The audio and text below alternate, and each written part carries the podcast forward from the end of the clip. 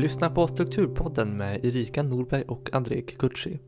Erika, hon jobbar som lärare och driver bloggen vstruktur.se och André, han jobbar som pastor och pusslar ihop livet som familjefar. Jag som talar heter Simon Lundberg och är den som redigerar denna podd.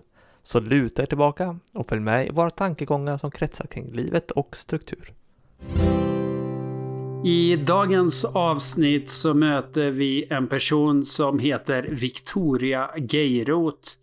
Förutom att hon är 46 år och bor i Enskede och jobbar för Equmeniakyrkan i Sverige så vet vi inte så mycket, men vi har en bild av henne.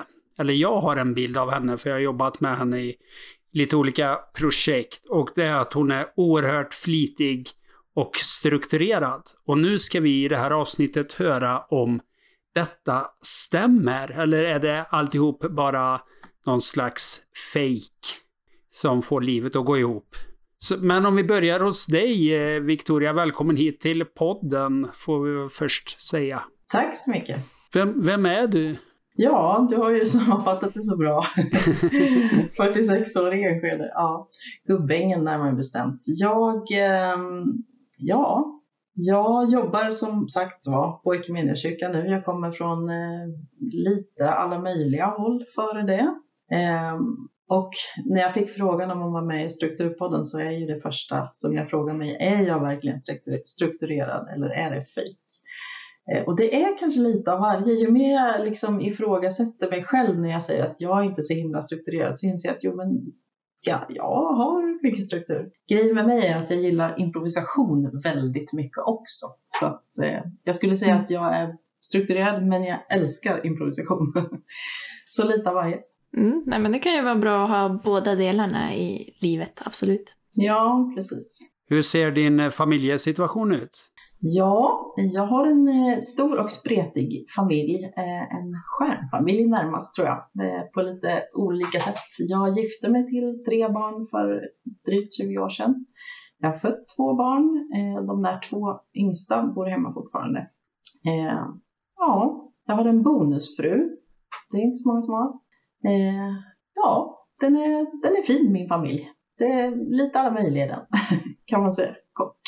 Mm det är ju inte så ovanligt att eh, familjebilden präglar rätt mycket vem man är. Är det något du har funderat över? Ja, eh, det har den ju absolut gjort och gör. Eh, när jag gifte mig så, så hade då han som blev min man hade tre barn sedan tidigare eh, och det var mycket organisation och är fortfarande ju med, med barn och familj och vi, vi är inte gifta längre, men eh, det var ju ett jätteprojekt att ro i land. Eh, ett, ett, ett av mitt livs viktigaste och bästa projekt skulle jag säga, att ro i land den här storfamiljen och få ihop oss allihopa. Eh, som verkligen har präglat mig, det, det får jag säga. Min bonusfru då, hon som är mamma till de tre äldsta barnen, hon är också gudmor till de två yngsta och så. Och eh, det tog, det tog mycket jobb innan vi kom dit, eh, ska jag säga, från oss alla inblandade. Men jag är så glad för den, den stora familjen som jag har idag. Ja, det är nog inte alla eh, bonusfamiljer, eller vad man ska kalla det, som har den relationen. Det låter väldigt bra. Ja, det är bra. Och och lika krångligt som alla andra familjer. Och nu är ju jag och de yngsta barnens pappa då skilda så att jag menar det finns olika lager av krångel. Men, ja. men vi är också vana att jobba med det eh, så att jag tror det hjälper oss. Ja. Men mycket planering, mycket struktur där. Alltså väldigt mycket av mitt, mitt strukturella liv handlar, ha, handlar och har handlat om relationer på olika sätt. Mer, mer än strukturera prylar tror jag faktiskt. Eh, när jag tänkte på det det, det är mycket det. Hålla reda på folk och vem som ska prata med vem och vem ska veta vad. Och det är sånt som jag gör även i mitt nuvarande jobb. Det är väldigt mycket relationer som ska hållas reda på. Mm, det är en väldigt intressant sida av struktur som vi kanske inte har pratat så mycket om i podden tidigare. Nej. Men kan du berätta lite mer? Vad, vad är det du jobbar med på kyrkan? Vad ingår i dina uppgifter? Jag har en sån här härligt lång och trevlig titel som heter Samordnare för kyrkoledning och förtroendemannaorganisation. Och eh, förtroendemannaorganisationen i kyrkan då, där jag jobbar, det är de valda organen eh, och det handlar om att se till att folk som verkar i valberedning, i, inom revision av olika slag, eh, inom kyrkostyrelsen och även då kyrkoledningen eh, får den samordning de behöver. Och också det största förtroendemannaorganet som vi har, nämligen det som är vår kyrkokonferens, som är en av Sveriges största ombudsförsamlingar. På, ja, nu senast var vi drygt eh, 700 ombud som samlades till konferens. Och där, där organiserar jag också då förhandlingarna i det. Så ja, hålla reda på folk och eh, som sagt relationer, dokument, tider. Ja, mycket sånt. Mm. I ditt jobb nu, känner du att ja, men det här är jag? Jag är duktig på det här. Jag är, det är handen i handsken för mig, eller? Ja, alltså mycket av det måste jag säga känner jag mig faktiskt väldigt eh, ja, både bra på och glad över att jag får göra. Och jag liksom kan verkligen häpna över hur det lirar med annat som jag har gjort i livet. Liksom. Jag får användning av väldigt många olika saker som jag har gjort och kan och så. Och det, det är kul. Så att ja, jag trivs väldigt bra på mitt jobb. Sen finns det grejer som jag är säker på att andra skulle göra bättre. Varav en del är struktur, till exempel att få protokoll skrivna i rättan tid och sånt. Men eh, jag får det gjort. Eh, så att jag är kanske inte sämst i världen på det heller. Men jag har ju liksom en, jag har ju andra andra yrkeserfarenheter bakom mig. Jag har ju bara jobbat med det här de senaste tre åren tror jag det är. Och jag känner att jag har nytta av det som jag gjort förut och har med mig in. Och vad är det till exempel?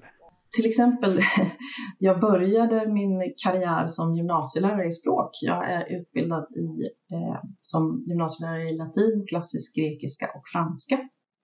Och det har jag jobbat med i några år på två Stockholmsskolor. Jag har också varit amanuens i latin på Stockholms universitet. Och eh, latin har man ju som ni förstår alltid nytta av. Absolut. Det är i alla fall väldigt roligt.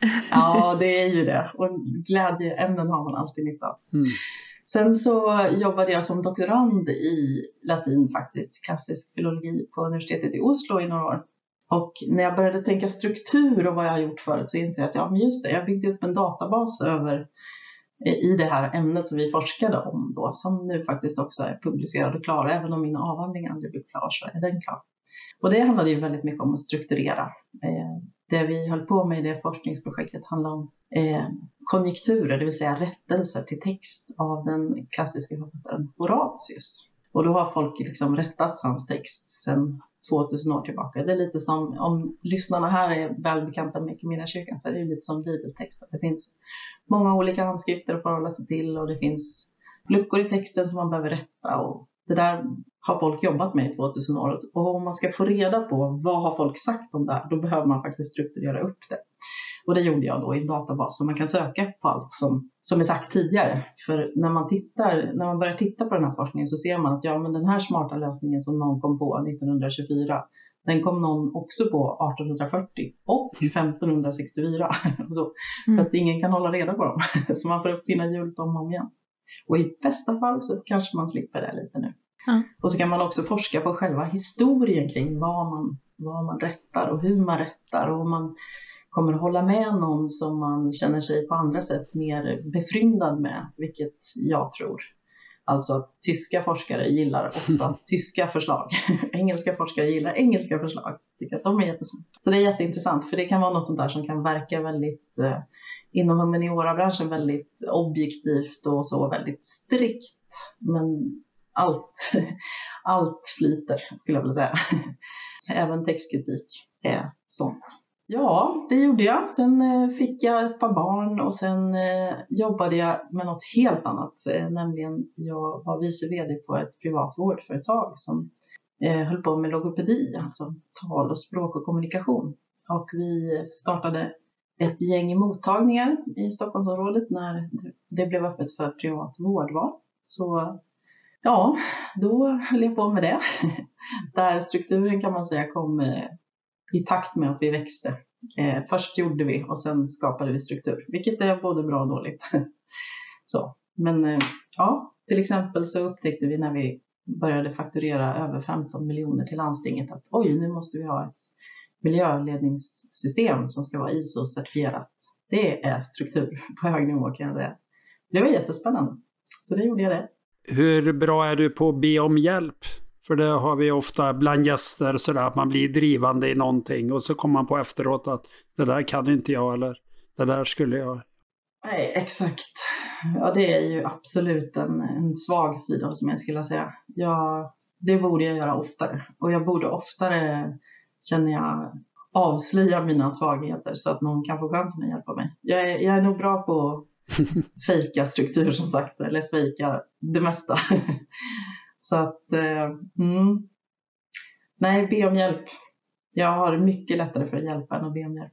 Ja, men du jobbar mycket med struktur både nu och i tidigare jobb. Skulle du säga att du alltid har varit lite strukturerad eller hur kom du in på det spåret?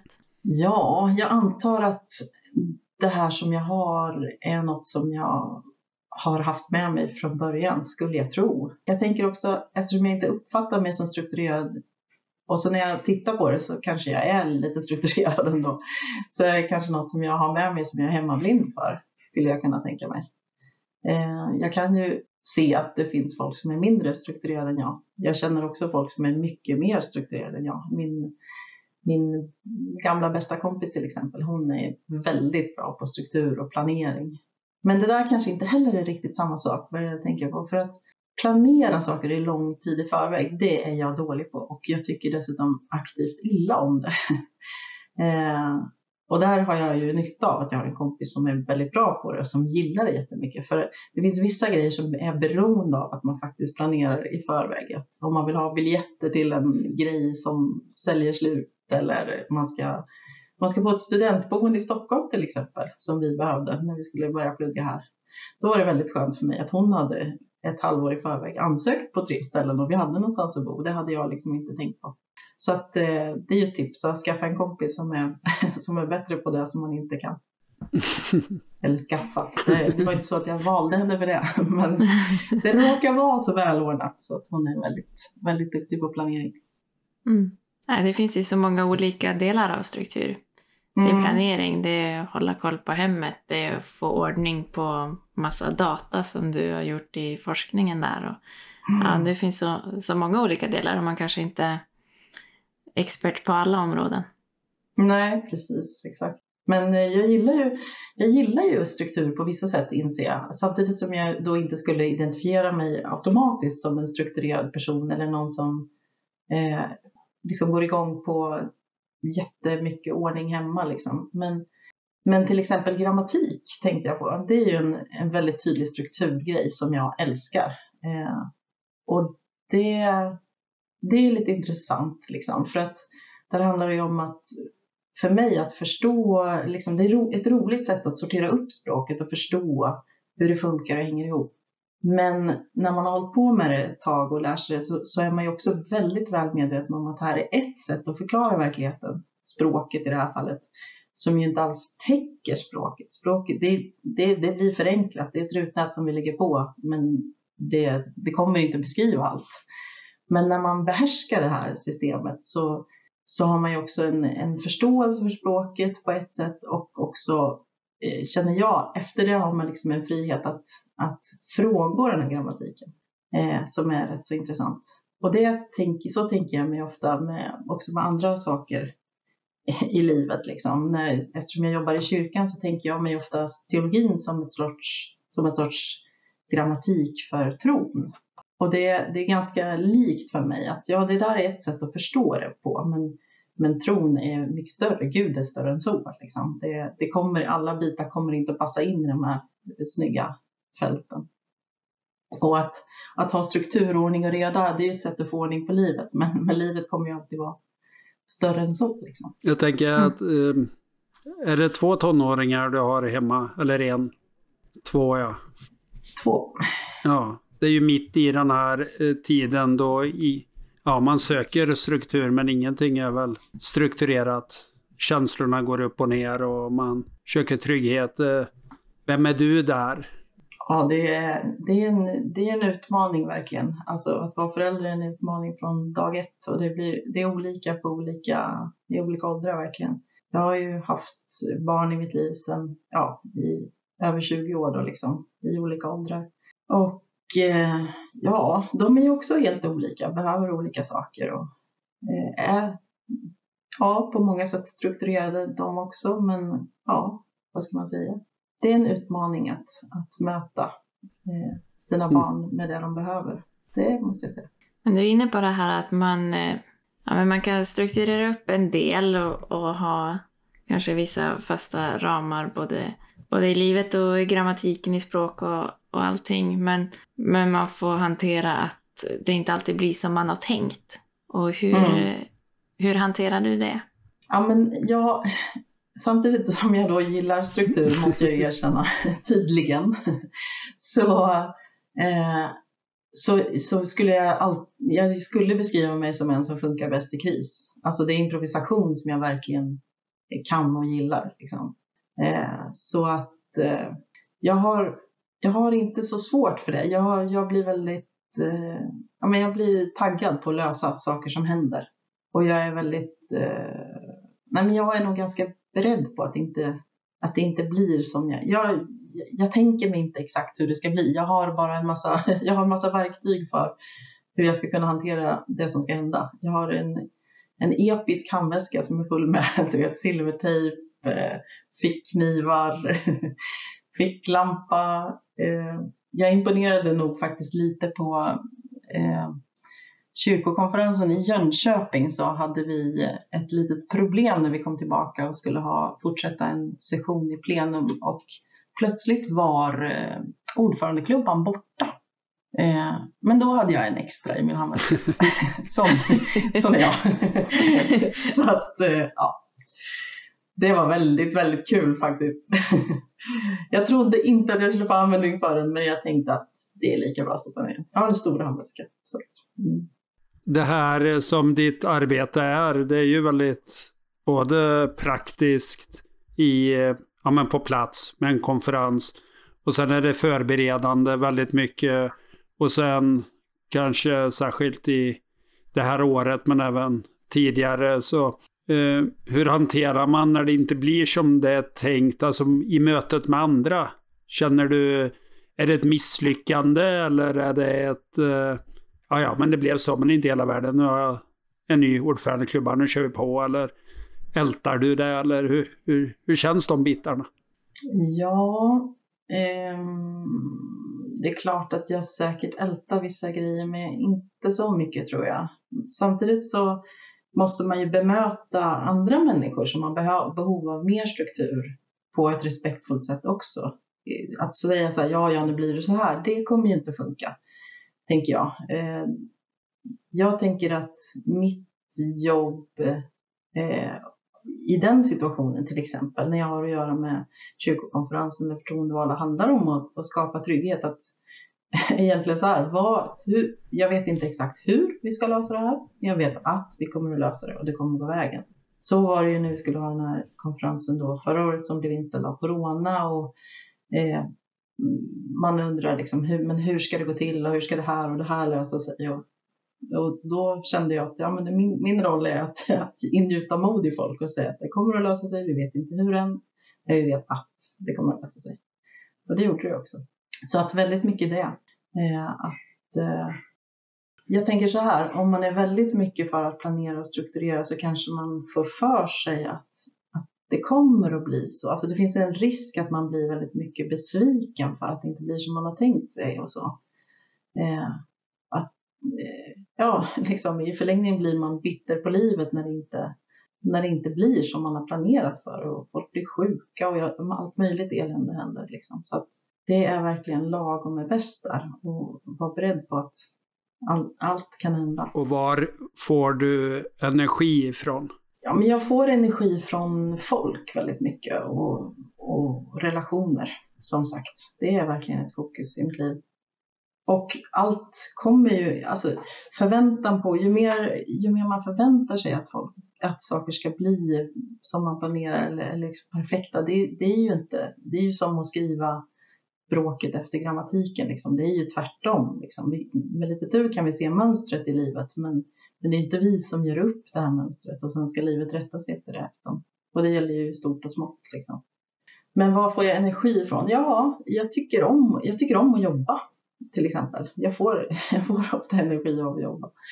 Eh, jag eh, ja, eh, interagerar med folk. Det är kul. Jag får energi av att prata med er nu, känner jag. Ja, så relationer är viktigt och struktur eh, gå in i det. Men kan du säga något om hur struktur påverkar dig och din omgivning och din familj? Åh, vilken svår fråga.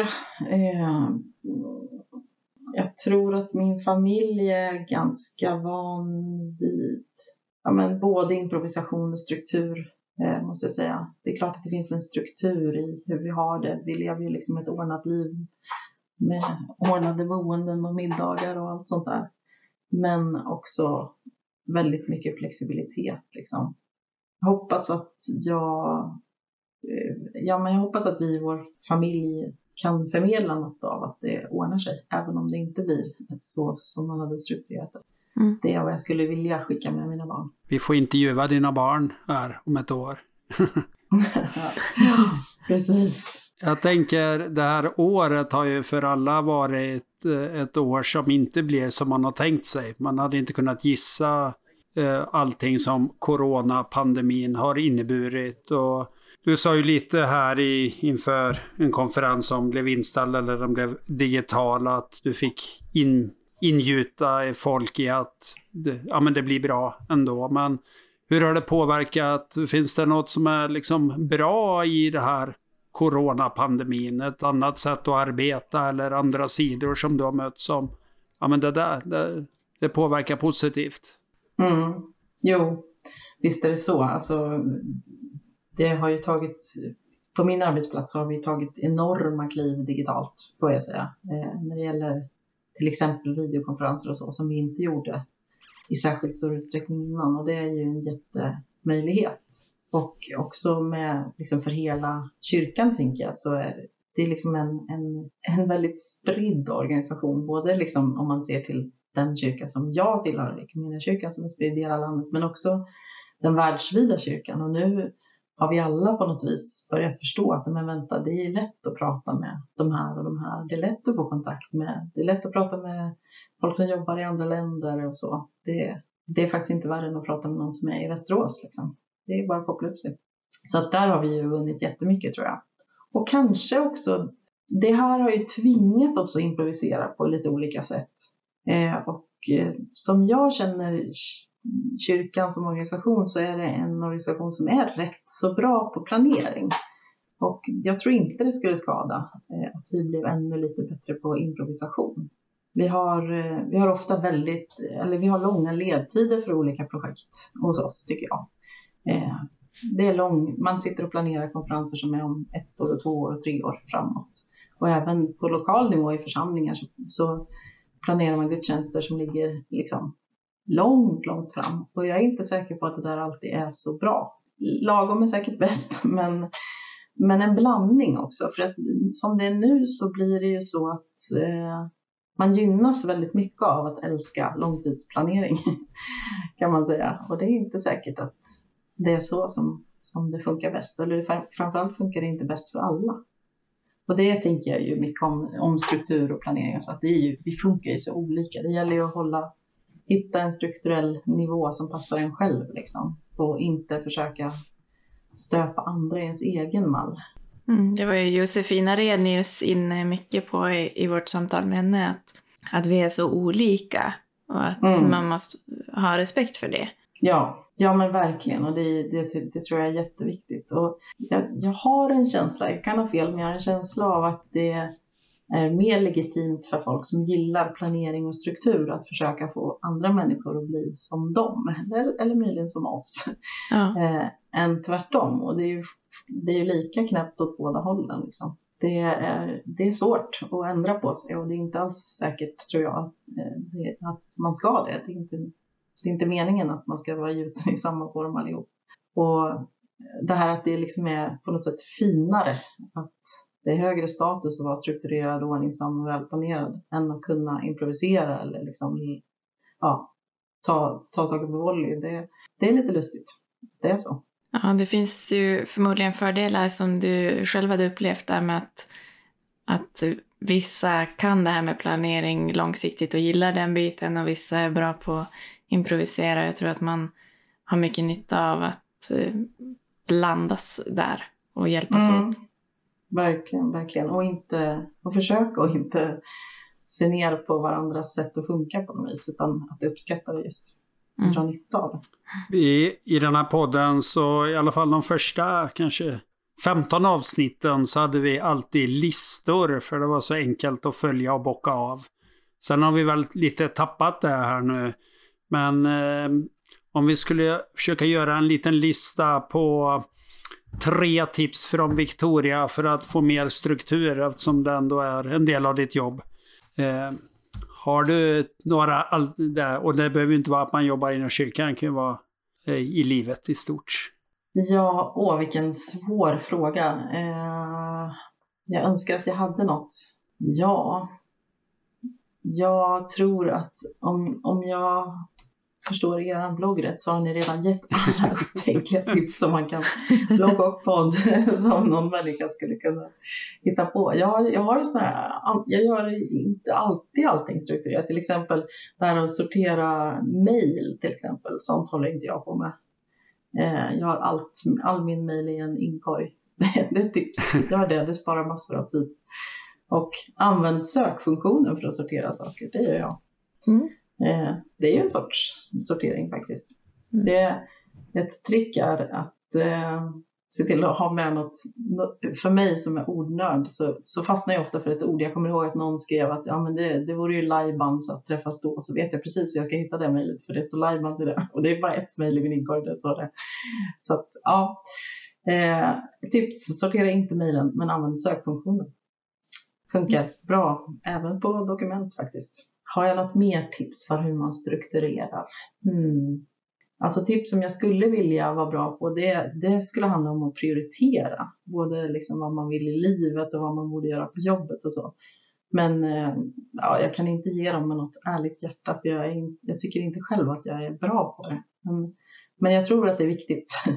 Jag skulle vilja vara bra på det. Du får lyssna på vårt avsnitt om prioriteringar. Ja, ah, men så där. Ja, det kanske är ja, bra, bra, bra. Jag kanske kan lära mig något. Nej, men sen, sen går jag nog bet. Jag tror inte jag kan klämma mig något tredje. Nej, det, jag, jag är inte, jag har inga tips. Jag tror ni vet allt och era lyssnare har redan fått i sig så mycket matnyttigt så jag har inget nytt att komma med. Men jag kan nog lägga in ett som jag tycker du har varit inne på. Det är ju någonstans eh, slappna av eller ta det på uppstuds. Ja, om det får vara, om det får vara ett tips. Mm. Jo, men det kan det ju verkligen vara. Eh, att, att förbereda så långt det går och sen låt det hända liksom. Eh, oftast är det ingen, jag har en sån här brutal sak som jag säger till mig själv och andra. Inget barn dör. Det låter väldigt brutalt, men det hjälper verkligen ibland att bara lyfta blicken. Liksom att ja, visst, det här blev katastrof och det här blir inte alls rätt och det här kommer ut alldeles för sent till massa människor. Men det är inte, hel, det är inte på liv och död. Tack och lov kan jag säga det i mitt jobb väldigt mycket för att jag det finns ju de som har det på liv och död i sina jobb, men jag har det inte och det är jag faktiskt tacksam för. Att eh, ja, men lyfta blicken lite. Och, och, det här som är en katastrof är ju förstås inte en katastrof på riktigt.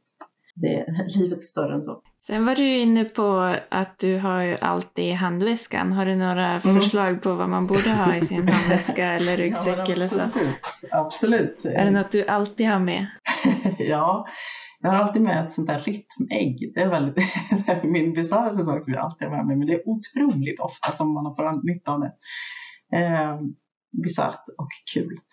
Eh, men silvertejp såklart. Mm. Eh, fickkniv med olika saxar och grejer. Plåster, alla sorters värktabletter som man har. det har jag med mig. Nu för tiden ska man ju, får man ju ha med sig lite extra munskydd och sådana där grejer också. Jag brukar packa, eh, när jag excellerar i det här, det är när jag packar mina barns Lucia-packningar.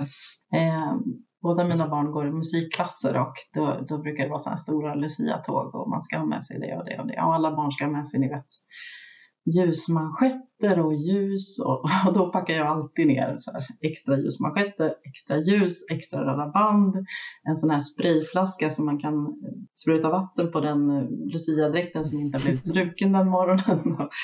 ja, eh, jag brukar, jag brukar helgardera där kan man säga. Och det brukar ofta komma till användning. Jag var mycket stolt över min yngsta när hon kom på att eh, det var någon, någon killes sån här stjärngossestrut som gick sönder. Det var så här, men jag har ju silvertejp. så löste de det. Och sen kom någon annan på, och det, det rann så mycket stearin från de manschetterna. Så kom de på, men om vi tejpar med silvertejp runt ljuset under, det kommer ju inte rinna ner stearin. Mm. Har lärt dem bra. Inte illa. Ja, sen brukar vi ju ha bra, bättre, bäst i våra avsnitt. Eh, lite återkommande så här att eh, bra är kanske nuläget, något som är okej okay, men som man kanske skulle vilja förbättra. Bättre mm. kanske är första steget eller någon slags delmål och bäst är drömläget. Har du någonting ja, som, som är bra eller något som, eh, någon så dröm du vill uppnå? Ja, ja den här eh, frågan blev jag ju lite förvarnad om så jag försökte att tänka på det men det är ju jättesvårt. Men jag tänkte att jag kunde be er om hjälp då med det. Ehm, eh, och varför, något som, som råkar bekymra mig just nu handlar om min pension. Så lite långtidsplanering har jag tydligen i mig. eh, och då tänker jag att en bra sak är ju att, att, ha koll på sin ekonomi såklart, att man inte går back varje månad. Men det skulle vara ännu bättre om man hade lite koll framåt också. Så att, har ni några tips för hur man ska få ordning på, ta itu med alla dessa olika små pensionssparanden som man har om man har jobbat med massa, på massa olika ställen och sånt. Så hit me. Jag tänker om vi tar generell, bra, bättre, bäst och inte gå in eh, specifikt på din privata ekonomi eftersom vi inte har någon direkt insyn i det så är det ju precis bra som du säger att det finns ett eh, nuläge där du reflekterar över det och eh, där du är medveten om, om det och och att du skulle någonstans vilja ha förbättra eller i alla fall ha en koll på hur det ser ut. Och då är det ju att eh, mm. kanske i något ark, hur man nu gör, men gå igenom allt. Vad, vad har jag jobbat? Hur ser det ut? Vad är de olika posterna? För att skapa en överblick eh, mm. en bit upp. Och bättre, eh, alltså nästa steg, det är ju någonstans att ta riktningen då av, ja men så här är läget. Är det, hur, hur vill jag ha det framåt? Är jag nöjd med som det ser ut? Det är bra som det är, då behöver det inte bli bättre. Men bättre vore om jag eh, ja, satsar på de här delarna när jag har överblicken. Och det bästa mm. skulle ju vara att ja, men nu är jag där jag vill vara och jag behöver inte fundera eller oroa mig på det. Och sen om det är ett år fram eller om det är till du är, ja hur länge kommer du jobba? Till 68 kanske? Man vet, man vet ju inte riktigt. Ja, någonstans där. Men så att det inte är en oro när man är 68. Hur blev det här? Det är ju det svåra i det. Och då är det ju så bra att det finns säkert någon som är jätteduktig och kan det här som man kan ringa. Jag vet inte vem just nu, men den finns ju där. Man behöver ju inte sitta själv med det. Mm, det skulle vara mitt första steg. Att kanske kontakta eh, någon på en bank och få lite råd. Sen kanske de är inne att du borde spara i, i just våra fonder, jag vet inte. Men, men det finns ju sådana som jobbar med det här och är experter på det. Eh, så kanske prata med någon sån. Eller prata med någon på ekonomiavdelningen på Equmeniakyrkan. Men de kanske får tusen kollegor som frågar dem om privatekonomi hela tiden. ja, kanske man ska dela med sig av det också. Det är det där med att be om hjälp, det kanske inte är så dumt. Ja, jag, jag tror att det kan vara en bra idé i alla fall. Jag känner mig ganska lost i pensionssparandet själv i alla fall. Jag med. Men och framförallt, vad är det som är en oro kring det? Eller en längtan? Att man sorterar upp det? Ja, men där är det nog, där är det nog just faktiskt, ärligt talat, bara, det är inte det att jag är orolig för, för pengar, utan mm. det är bara den här röran av fonder och små tjänstepensionsslattar som ligger här och där. Och det kommer liksom 15 olika avier med meddelanden om att jag har pengar här och där. Mm. Jag har så dålig koll. Så att, ja, det, det är faktiskt nog bara strukturen jag vill åt, inte pengarna. Och då är det väl kanske det som Andreas sa då, att, att börja få någon slags översikt. Och eh, mm. så säger vi till nästan alla våra gäster, vi återkommer om ett år. Eh, så kan vi se, hur gick det med det där? Ja, just det. Oj, oj, oj. Ett år, det är så snart. det, här har jag liksom, det här har jag varit på väg att göra i minst fem år. jag har inte gjort det än. Men, men vi får se. Det kanske är den morot jag behöver. För att ett annat problem som jag har är absolut att prokrastinera. Och det som funkar mot det brukar vara deadlines. Att någon annan har en förväntan på mig att nu ska det vara klart. Så att visst, om ni säger att ni ska fråga mig om ett år så får jag väl lova att fixa det till dess. Mm. Ska vi skriva in det i kalendern då? 9 april 2022. Nu avslöjar jag när vi spelar in det här mot ja. för när vi släpper Om du vill ha från att vi släpper det så har du väl en månad till på dig. Någonting. Kanske en och en halv. Så. Ja, precis. Det kan hända att jag behöver förhandla med den, den extra månaden, så vi får se. Ja, och sen också eh, att ta med, det gäller ju för allt man gör, men du ska ju inte lova oss utan du ska lova dig detta. Men du behöver du oss eller de här, om det är 600 lyssnare på det här avsnittet, så eh, det, nu har du ju bara sagt det till oss, men det kan ju hända att eh, de andra har lyssnat också. Ja, men precis. Exakt. Som, där, där säger du något bra. Det där. Mm. Behöver jag det? För att, ja, det är ju sant. Det är ju bara jag som egentligen är beroende av det. Men det är ju en hjälp, som jag säger, det är en hjälp för mig att inte skjuta upp saker om jag vet att någon behöver att jag har gjort det. Och det skulle vara en hjälp för mig att lova någon annan att göra någonting snarare än att lova mig själv. För mig kan jag alltid lura. Mm. Så är det för många. Men, eh, men eh, då vill vi höra hur det går då, om ett år. Strålande. Uh, ja, uh, sen brukar vi också ha någon uh, prova på som lyssnarna kan testa närmsta veckan. Har du några mm. tips på det? En sak som fungerar i mitt liv när det, när det gäller det här med, när jag, som jag var inne på, att jag inte älskar planering. En sak som jag dock älskar är nybakat bröd. Eh, och då har jag kommit på en grej som funkar jättebra. Här är ett väldigt, väldigt konkret och litet tips. Eh, I kyldiskarna så finns det sån här färdig pizzadeg. Det finns, eh, det finns särskilt en sort som är åtta små pizzadegar i en sån här rulle som man liksom snurrar upp och så puffar den ut och exploderar sitt deginnehåll. De är helt perfekta att använda som vanligt bröd. Man bara slänger ner dem i, slänger in dem i ugnen som de är eller i stekpannan och så har man nybakt bröd utan att man har behövt komma ihåg det där att just det, innan jag ska äta det här brödet så måste jag först komma ihåg åtminstone en timme innan att liksom sätta en deg och jäsa och hålla på. Ett sånt där, det funkar inte. Men det här burkbrödet som jag kallar det, det är mitt dagens tips. Testa det. Mm, mums.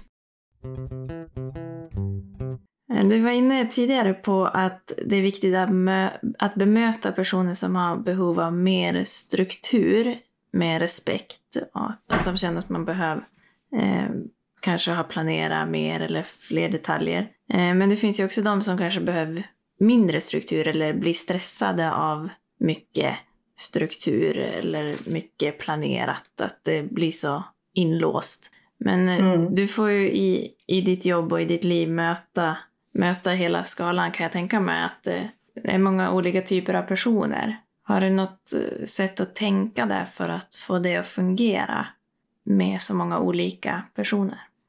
Ja, det där är ju intressant för det är verkligen sant som du säger att man funkar olika och där kanske jag, jag är, jag är väldigt intresserad av att få det här och få relationer att funka så jag tror att jag själv försöker anpassa mitt sätt att kommunicera eh, med den personer jag pratar med såklart. Och det är ju i stort och smått. Man lär sig till exempel snabbt de man mejlar med, vilka som först vill, vill ha så här, hej, hoppas att du har haft en fin påsk och att allt är bra. Liksom. Och vilka som bara vill ha ämnesordet och en sak i varje. Liksom. Och, eh, det där är en väldigt sak som jag är väldigt väl medveten om till exempel när jag mejlar folk. Ja, nu pratar jag med den här. Han vill bara ha det här. Inget, inte hej, inte, inget hälsningsord, utan vill bara ha det jag vill veta.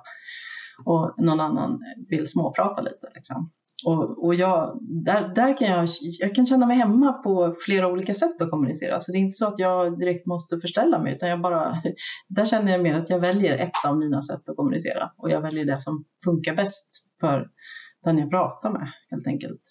Eh, och annars så tänker jag att eh, ja, men, det är väl det där att vara nyfiken på folk och det är jag väldigt mycket. Att vara nyfiken på hur folk funkar på riktigt liksom. Det, det gör ju att man vill eh, förstå hur, hur de vill ha det och försöka förstå vad som är bra med det. För att jag tror ju någonstans att alla gör ju alla gör sitt bästa och alla gör så att det blir så bra som möjligt eh, hela tiden för dem själva utifrån det sätt som de ser på livet. Liksom. Så att om den här personen vill ha det så här så är det för att den personen tror, att, tror och tycker att det här är det bästa sättet. Och hur, vad är det som den här personen då ser som jag kanske har missat?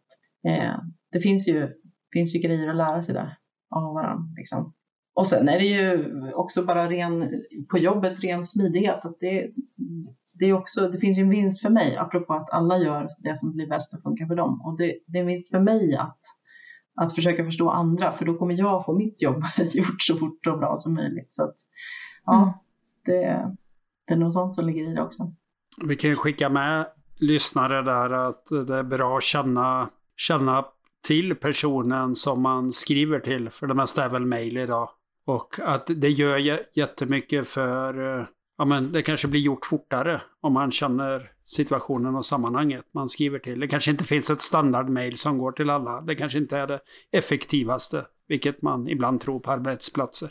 Så här ska det se ut. Nej, men precis. Det där, det där är ju en viktig grej. Det här med liksom lika för alla, det avskyr jag verkligen. Det är, inte, det är inte ett bra sätt. Så standardisering får ju inte vara lösningen på allt. Liksom. Standardisering är en lösning på vissa problem men, men knappast liksom, kommunikationsproblem. Och det där är ju jätteviktigt att ha ögonen för. För att jag menar, det händer ju att folk blir just i mejl så tolkar man någons ton på ett sätt utifrån hur jag skulle ha. Jag skulle aldrig skrivit det sådär. Det där låter otrevligt eller så. Att mm. Det där är jätteviktigt att få upp ögonen för att ja, men det här, man kan kommunicera på olika sätt. Det är liksom olika språk, olika stil och, och Känner du den här personen, den här personen eh, verkar gilla dig och ni har inget trubbel, nej men då är det nog inte så att den här personen är arg på dig bara för att den bara skriver något kort, utan det kanske bara var så att den skriver så. Ja, min bror han sa häromdagen att han nyss hade fått höra från en ungdom att det, det är otrevligt att skriva punkt. Att man ja. ska inte ha punkt utan man ska ha smiley eller emoji eller vad man ska kalla det istället. Eh, och då sa jag, ja men eh, det hörde jag faktiskt för flera år sedan en av mina elever som höll tal om det. Att eh, sätt inte punkt utan sätt en glad gubbe istället.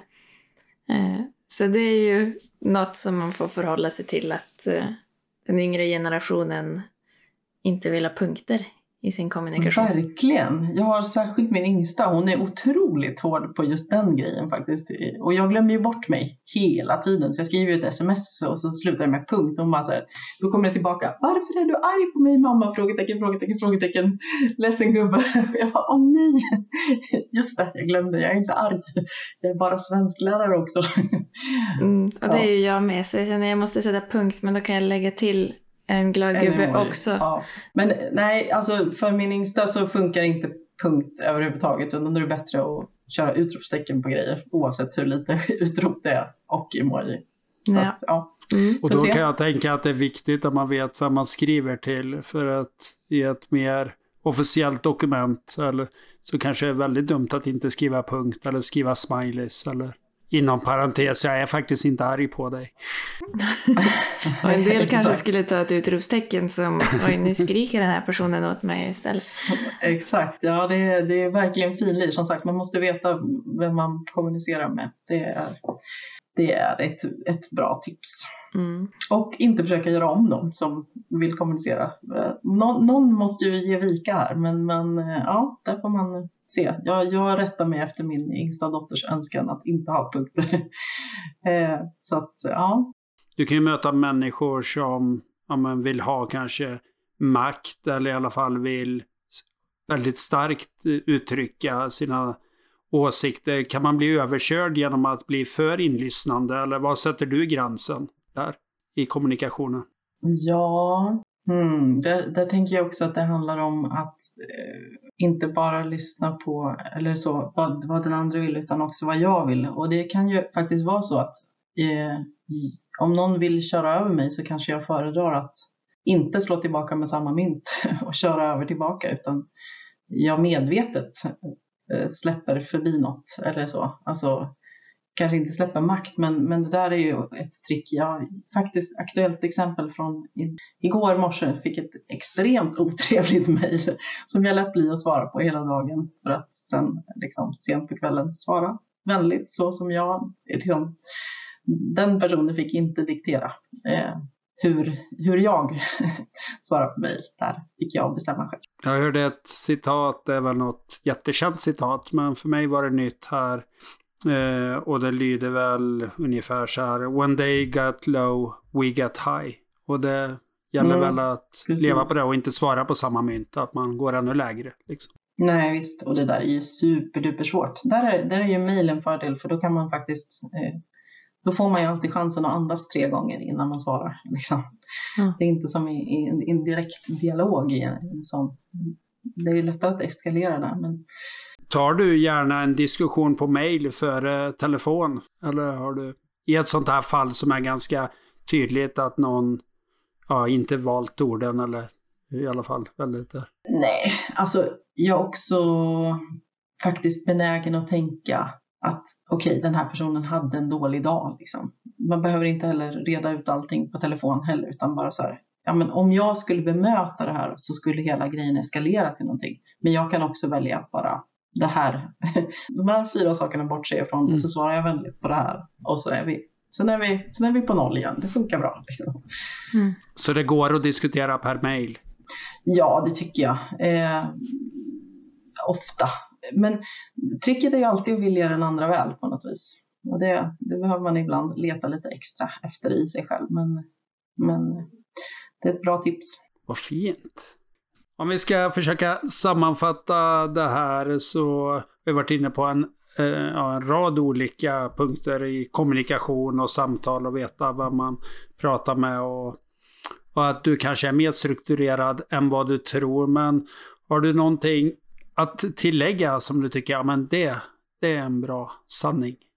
En bra sanning om struktur, det tänker jag är eh, att eh, struktur, jag har varit lite inne på det förut också, att struktur i, i vissa perspektiv så ses det som något väldigt fint och från ett annat håll så ses struktur som något väldigt liksom, analt och småttigt. Liksom.